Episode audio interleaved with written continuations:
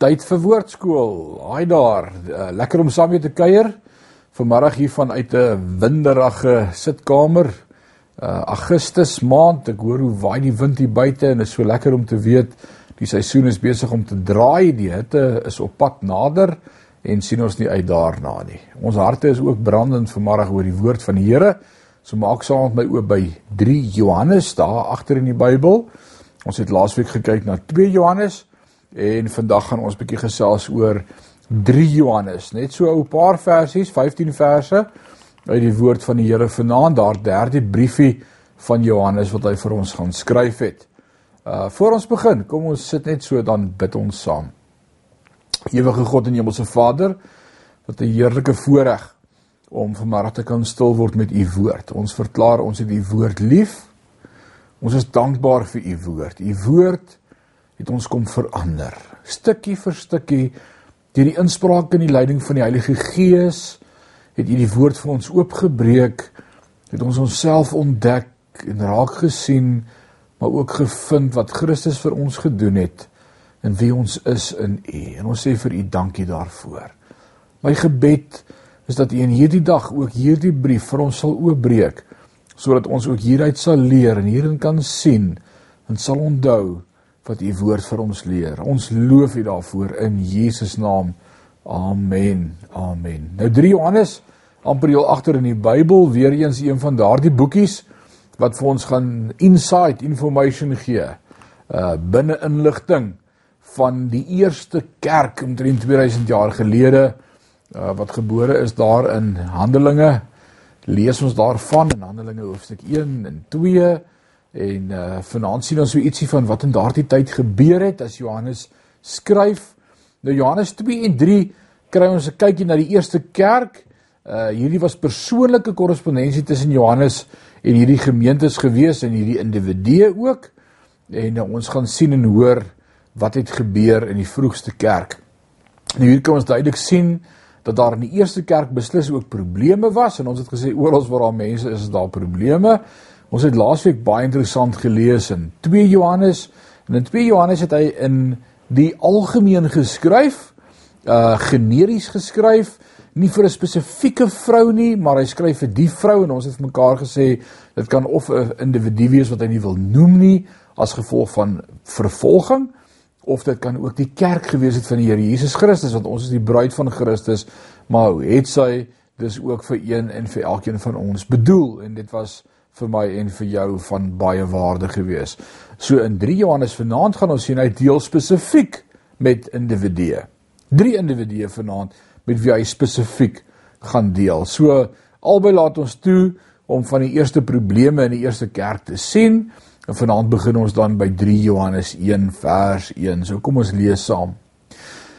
Die ouderling aan die geliefde Gaius wat ek in waarheid liefhet. So wat sê hy? Hy sê en ons het laasweek gesien die verhouding tussen waarheid en liefde en liefde en waarheid.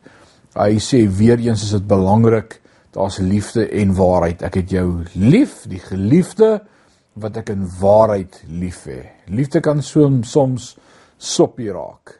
Maar hy sê hier's 'n waarheid in hierdie broederlike liefde. Hoor wat sê in vers 2.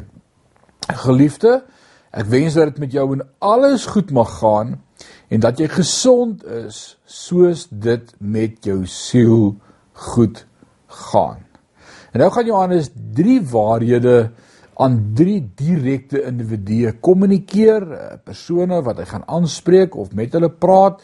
Uh die eerste een Gaius, Gaius, uh hy gaan hom uh, hy's 'n bemoediger. So Johannes gaan met hom praat in vers 1 tot 8 lees ons daardie gedeelte en dan gaan ons sien hy praat met uh Diotrefus. Uh hy gaan met hom praat want hy's bietjie egos egosentries en 'n uh, egoïst in vers 9 en 11 en dan gaan hy praat met Demetrius. Uh en Demetrius is 'n ware voorbeeld vir my en vir jou en dis in vers 12 en dan eindig hy die brief in vers 13 tot 15 So in in 2 Johannes deel Johannes in die algemeen met tipes, hy preek, hy praat oor die anti-kris, hy praat met die vrou, met die kerk of individu, maar nou in 3 Johannes direk en persoonlik. Nou nou baie interessant. Daar is 'n tyd waar die waarheid net generies en in die algemeen gedeel moet word, uh, soos 2 Johannes. Daar's 'n tyd wat jy net niemand uitsonder nie en net in die algemeen praat met liefde en waarheid en dis goed. Maar daar's 'n tyd en 'n plek en ek dink ons leef nou in daardie tyd van 3 Johannes waar ons die guts moet hê onder die leiding van die Heilige Gees se inspirasie en se krag om direk met individue te praat en nie bang te wees nie. So ek sien daar kom 'n transformasie of 'n skuif tussen 2 Johannes en 3 Johannes. Daar kom boldness en hy sê kom ek deel met spesifieke individue. En dis presies wat Johannes hier gaan doen. Nou die eerste een is Gaius. Hy was 'n vriend van Johannes gewees. En wat skryf Johannes vir hom? En dit is belangrik om vers 2 vanaand korrek te verstaan. Ek het al so baie misleiding oor Johannes 3 Johannes 1 vers 2 gehoor. Uh, lees saam met my weer vers 2.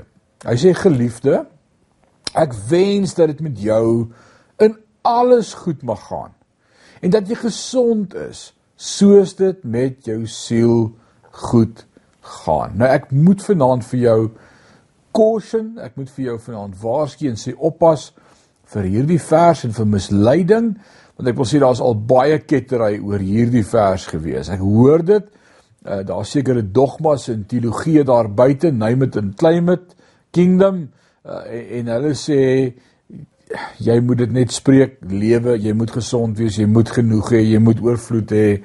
Oppas daarvoor.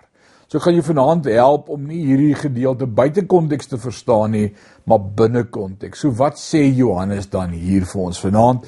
Hy sê ek wil hê dat dit met jou sal goed gaan Gaius net soos wat ek weet dit met jou siel goed gaan. Nou dis nie voorspoeds teologie nie. Ek kan nie sê sien dit moet nou met almal goed gaan, almal moet ryk wees, almal moet gesond wees, almal moet oorvloed hê nie.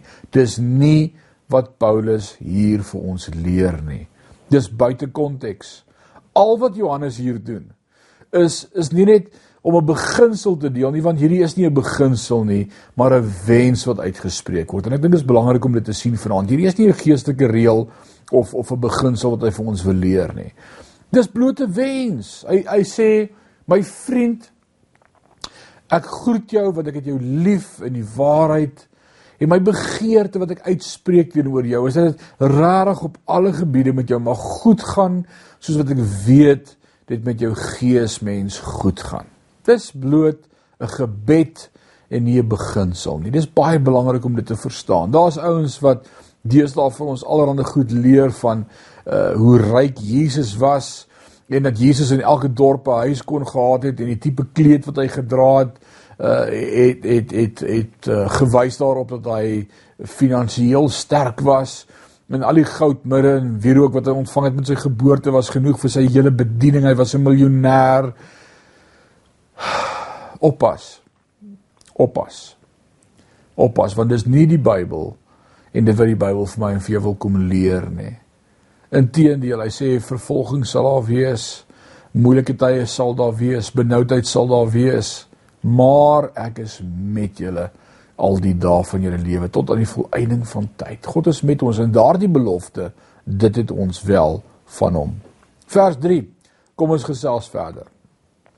Hy sê want ek was baie bly as daar broeders kom en van jou waarheid getuig. Weereens die waarheid en die liefde, twee goed wat vir Johannes baie belangrik was. Het ek het nou gesê Paulus het vir hom geskryf. Dit was Johannes, né? Uh die liefde en die waarheid. Soos jy in die waarheid wandel. Ek het geen groter blydskap as dit nie. Dat ek hoor dat my kinders in die waarheid wandel. Geliefde, jy handel getrou in alles wat jy doen vir die broeders. En dit vir vreemdelinge wat van jou liefde voor die gemeente getuig het. Jy sal goed doen as jy hulle voorthelp op 'n voor God waardige wyse. Want vir sy naam het hulle uitgegaan sonder om iets van die heidene te neem. Konteks, ouens, baie belangrik konteks. So wat is die konteks waar binne Johannes hierdie skryf vir Gaius. Baie belangrik, wat gebeur hier? In Johannes se tyd was daar rondreisende predikers en apostels en profete Uh en en die probleem was daar was nie in elke dorp 'n Formule 1 hotel of Holiday Inn gewees waar hulle kon gaan bly nie en die herberg, die plek waar daar vir hulle dan nou slaapplek was, die bekende herberg hier in die dorp was gewoonlik die plek gewees wat bekend gestaan het vir hulle immoraliteit. Dit was die die die in gewees, nê. En en Christene kon nie daar geslaap het nie. Dit was nie 'n plek vir Christene nie. So dan het Gaius het, het hierdie rondreisende predikers ingeneem uh die bekendes en die onbekendes die wat hy van geweet het sowel as die wat hy nie geken het nê ingeneem en hy het vir hulle gesorg met ander woorde hy het hulle ingeneem en dan het hy ook saam met hulle gestap wanneer hulle weer sou verder gaan om seker te maak dat hulle by hulle volgende bestemming aankom en nie net vir hulle veiligheid nie maar ook finansiëel het hy bygedra vir hulle voorspoed. Baie belangrik om dit te sê. So daarom sê Johannes in vers 7 want vir sy naam het hulle uitgegaan sonder om iets van die heidene te neem. Wat beteken dit?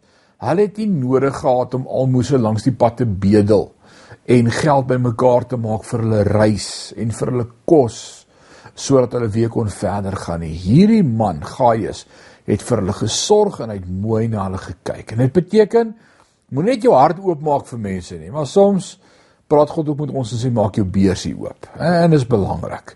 So ons is almal onderweg na ons volgende bestemming. Wat is ons volgende bestemming waarheen ons op pad is? Die ewigheid, ek en jy. En God wil hê dat ons mense op hierdie pad moet help. Hoe?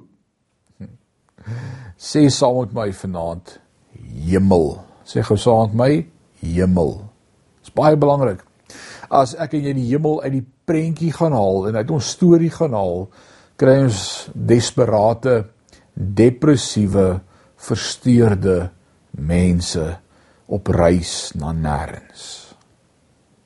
Die hemel is die middelpunt, die middelpunt van my en jou bestaan. Dis waaroor die hele reis handel en gaan. Jesus praat met sy disippels in Johannes 13 en hy sê vir hulle my einde het naby gekom, ek gaan sterf, ek gaan gekruisig word en dan is hulle hartseer en hulle is ontstel en dan sê hy vir hulle in hoofstuk 14 vers 1 Laat julle harte nie ontsteld word nie. Glo in God, glo ook in my. In die huis van my Vader is daar baie wonings. En dan begin hy met hulle praat oor die hemel. En daardie hele Johannes 14 bring konteks in my en jou hartseer situasie en hy sê, "Wow, daar's nie rede om hartseer te wees nie. Kom ons fokus op wat saak maak. Ons is op pad na 'n ewigheid saam met God." En ek wil sê as ek dit um, uit my prentjie verloor, as jy dit uit jou prentjie verloor, dit wat nou aan die gang is, corona en wêreldekonomie en al die smart en die hartseer en die dinge, as jy gaan vergeet dat ons net op reis is na ons ewige bestemming, gaan ek en jy depressief raak, morbid raak en vir God geen gebruik of benut kan hê nie. Nee, ons is gefokus. Ons is ambassadeurs van die hemel op pad na die hemel en in hierdie reis, op hierdie reis is ons besig om in ander mense se lewens ook 'n verskil te maak. Nie net geestelik nie, maar ook fisies, finansiëel. Wat God vir jou sê, steek jou hand in jou beursie, bless, saai, maak 'n verskil.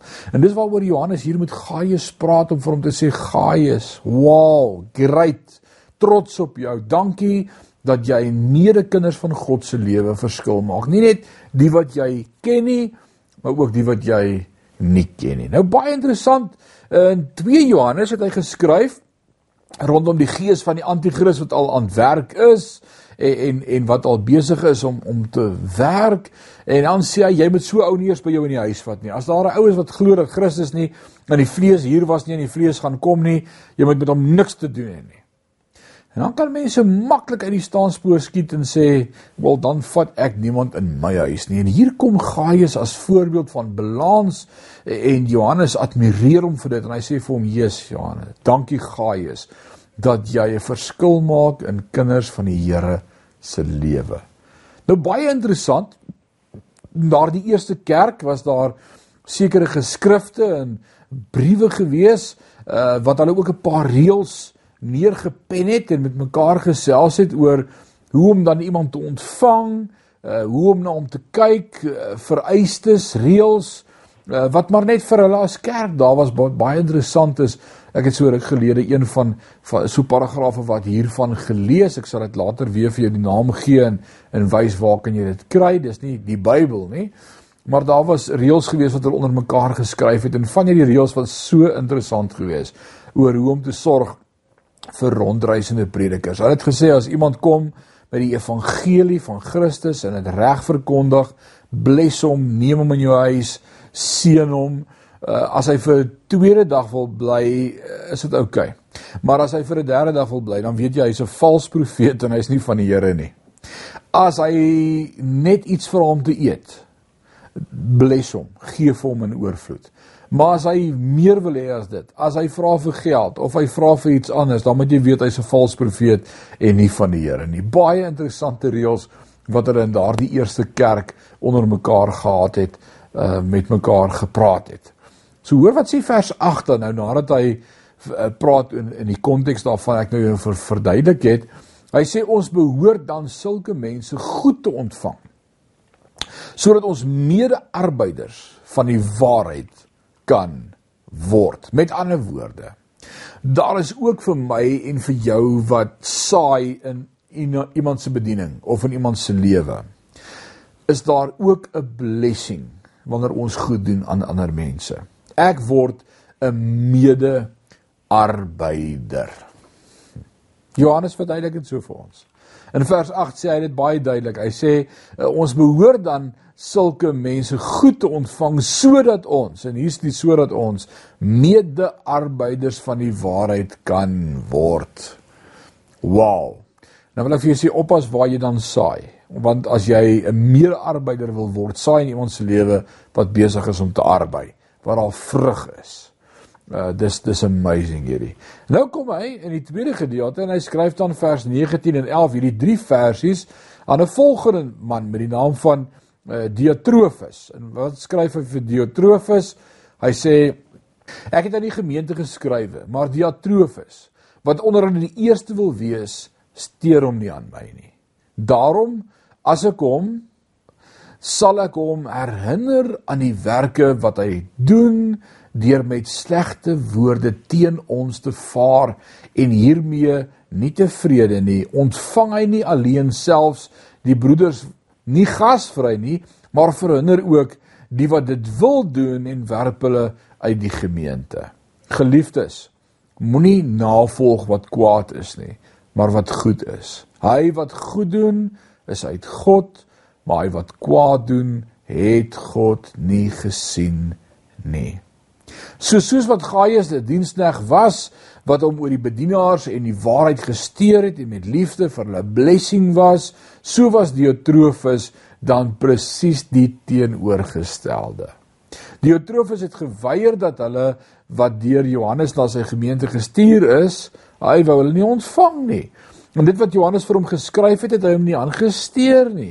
Hy wou hom nie onderwerp aan Johannes nie. Hy het hulle die kerk geweier en selfs die lidmate wat dan gasvry wou wees teenoor sulke bedienaars, het hy sommer uit die gemeente uitgejaag. Hoekom? Hoekom dink jy was dit die hart gewees van Diotrofus? Omdat Diotrofus die sentrale figuur en gesag wou hê en wou wees. Die dominante leier. En Johannes waarsku hom en hy sê wanneer ek kom sal ek met jou deel. Daar's iets daarvan om vanaand te hoor dat iemand in die koninkryk nie op homself gefokus of gerig is nie. Nie die eie ek liefhet nie. Nie homself eers te wil plaas in sy bediening en sy huiskerk en sy leier en nee, daar's iets rondom om ander te bless om 'n minder te wees, om ander te ontvang met liefde. Paulus skryf baie daarvoor in die gemeente in Rome as hy vir hulle sê moenie wil voorsit in die kerk nie, moenie die beste wil wees nie. Wees nederig, wees liewer vir die ander een as wat hy vir jou is. Ontvang mekaar met liefde. Daar's iets wanneer ek as kind van God 'n medekind van God kan bless en kan lief hê. En, en dis die gees wat in my en jou moet wees wat ook in Gaius was. Uh Gaius was. Maar nou Diotrofus hy het 'n ander gees in hom gehad. alhoewel hy 'n bedienaar van die woord was en 'n leier van 'n gemeente was. En dan Demetrius, die derde persoon, 'n voorbeeld vir my en vir jou. Wat het hy gedoen? Waarvan is hy 'n voorbeeld?